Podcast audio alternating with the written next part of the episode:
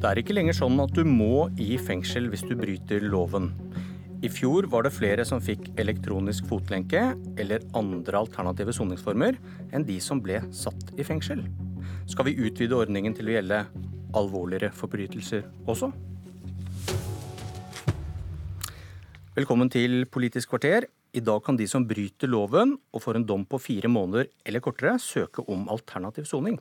Og som du kanskje har hørt på nyhetene i morges, en stor økning i bruk av elektronisk fotlenke gjør at flere fikk alternativ soning enn fengselsstraff i Norge i fjor. Og da kan du gå på jobb eller studere mens du blir straffet. Himanshu Gulato, justispolitisk talsmann i Fremskrittspartiet, hva syns Frp om det? Nei, Alternativ soning kan være et godt tiltak, men det spørs helt hva slags type dommer de brukes på. Dette ble jo innført under den forrige regjeringen, og da var det stort sett brukt som et alternativ til fengsel for å få ned soningskøene. Mens det som har vært viktig for regjeringen og Fremskrittspartiet, det er å skjerpe straffene, fjerne soningskøene, bygge flere fengselsplasser, noe vi har gjort.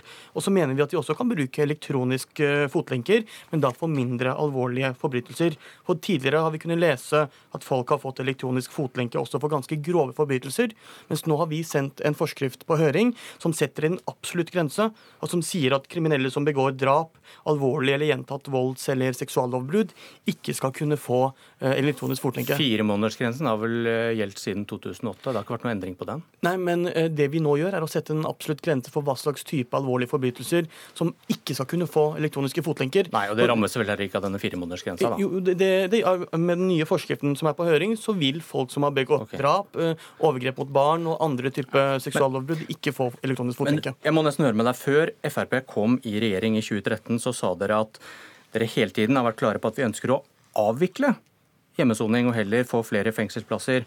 Det strider mot folks rettsoppfatning, og det er en hån mot offer at straffedømte skal få lov til å sone hjemme istedenfor i fengsel. Avvikle hjemmesoning? Det vi har vært tydelige på, er at vi skal ha en streng justispolitikk. Og nå har vi fjernet soningskøene, fått på plass flere hundre nye fengselsplasser, som er både riktig og viktig.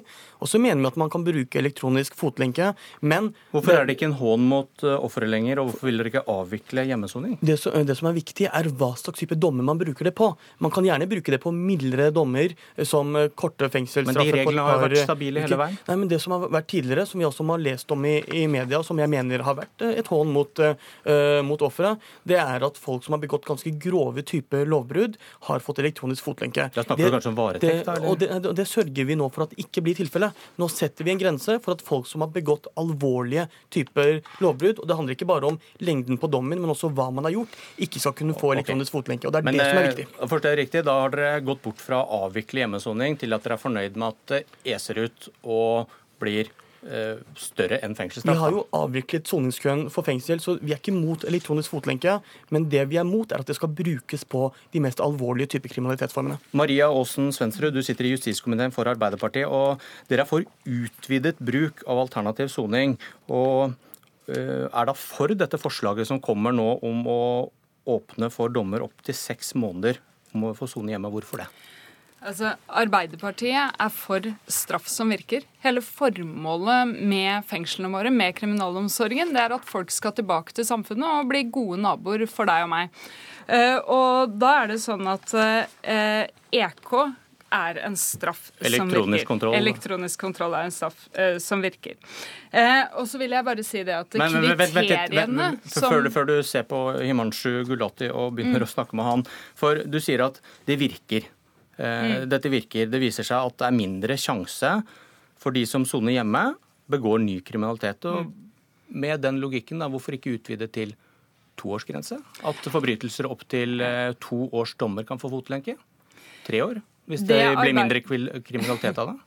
Det som er det fine med elektronisk kontroll, er at en del av de forutsetningene som vi ønsker for kriminalomsorgen, ligger allerede inne. Vi snakker om bolig, nærhetsprinsippet, tilhørighet til eh, lokalsamfunnet sitt. Folk må ha en dagsyssel, noe å gå til på dagen. Dette er alle kriterier som brukes i kriminalomsorgen. Og, og Derfor så har Arbeiderpartiet foreslått i forrige periode å øke muligheten for å bruke elektronisk kontroll opp til seks måneder. I men, tillegg spørsmålet var, Hvis det er logikken at det fører til mindre kriminalitet, og det er lurt å ha en tilknytning til hjemmet, Hvorfor ikke få dommer opp til to Fordi år, f.eks.? Fordi vi er helt nødt til å se på disse dommene som omhandler vold og sedelighet, som noe helt annet.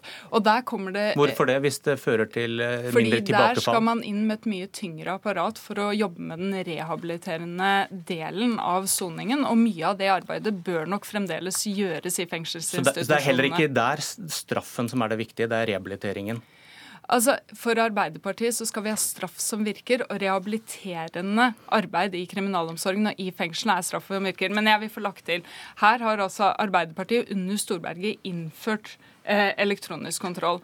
Vi gikk for at vi skulle øke, vi gikk for å bruke det som varetektssurrogat, som vil motvirke eh, skadene du kan få ved isolasjon. Og vi har altså måttet dra Høyre og Frp etter etter hårene for å få de med i det hele tatt på å akseptere dette som en form. Men, men her, og da er jeg glad for Her ser vi jo forskjellen på Arbeiderpartiet og Fremskrittspartiet og denne regjeringen. For tidligere har jo nettopp folk som også har begått mer alvorlige typer lovbrudd, fått elektronisk fotlenke.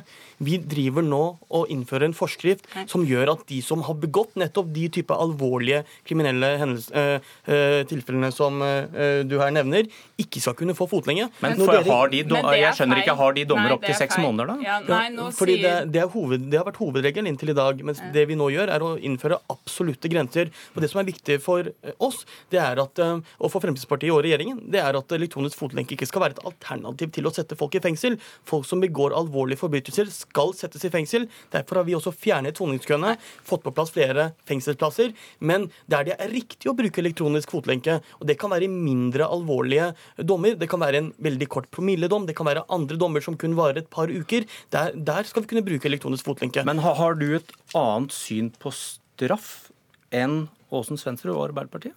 Denne regjeringen har skjerpet eh, straffene. Eh, fordi det er viktig at de som dømmes for alvorlige forbrytelser, gjennomfører straffen sin istedenfor å vente flere år i fengselskø, istedenfor å bli kuttet automatisk i, i, fengselsstraffen, noe som ble gjort tidligere etter to, to Men hva, hva, går man, hva, går man, glipp av hvis man kun snakker om rehabilitering? Rehabilitering er viktig. Ja, hva går man glipp av hvis man kun legger det til grunn? Altså, det, vi skal ha et strengt og rettferdig eh, justissystem. Og det jeg er redd for, hvis man går i den retning Arbeiderpartiet vil, nemlig å, å, å være mer eh, soft i justispolitikken, så, så, risikerer vi at Norge blir mer attraktivt for bl.a. utenlandske kriminelle bander. Vi har sett en stor innflykt av eh, gjenger, eh, organisert kriminalitet. Eh, og jeg frykter at Norge vet du, om, kan bli... Vet du at det har en sammenheng med straffenivået i Norge? Nei, men Vi har sett bl.a. mer organisert kriminalitet fra utlandet i, i Norge. men kan man dokumentere det... at det har en sammenheng? spør jeg. Det, det, jeg er ikke kjent med detaljene der. Det er muligens det finnes studier som uh, finnes det. Men det vi vet, er jo at organisert kriminalitet også fra utlandet har blitt et uh, Man ser mer tilfeller av det, selv om jeg ikke kan vise til noe statistikk her. Og, og, og, og, grunnen for at vi vil kunne se det, er jo hvis vi er mer så softe enn andre i justispolitikken. og Derfor er vi opptatt av at de som gjør noe kriminelt, faktisk skal få en dom som, som er i men, proporsjon til det de har gjort. Vent litt, jeg vet ikke om jeg fikk svar på spørsmålet med straff, men mener du at dere har et ulikt syn på det hvorfor det er viktig å straffe, og ja. ikke bare rehabilitere? Helt opplagt. og For det første syns jeg det kommer fryktelig mye synsing fra Frp her nå. Her må man få fakta på bordet. Og i forhold til det med elektronisk kontroll, så vil jeg ha på det klare at dette, disse kriteriene i forhold til vold og sedelighet de skal ligge fast. Arbeiderpartiet har aldri foreslått å flytte på dem.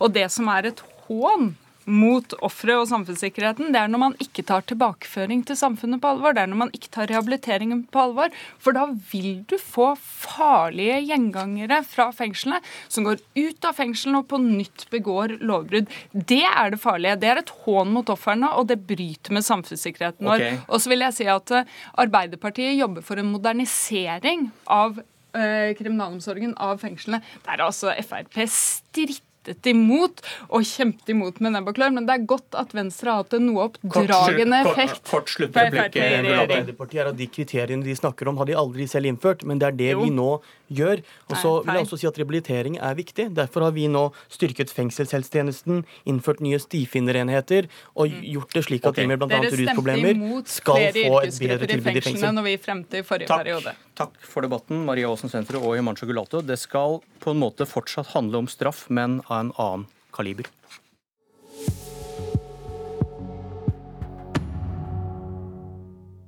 Vi har forståelse for det målretta og begrensa aksjonen som Storbritannia, Frankrike og USA har gjennomført i natt.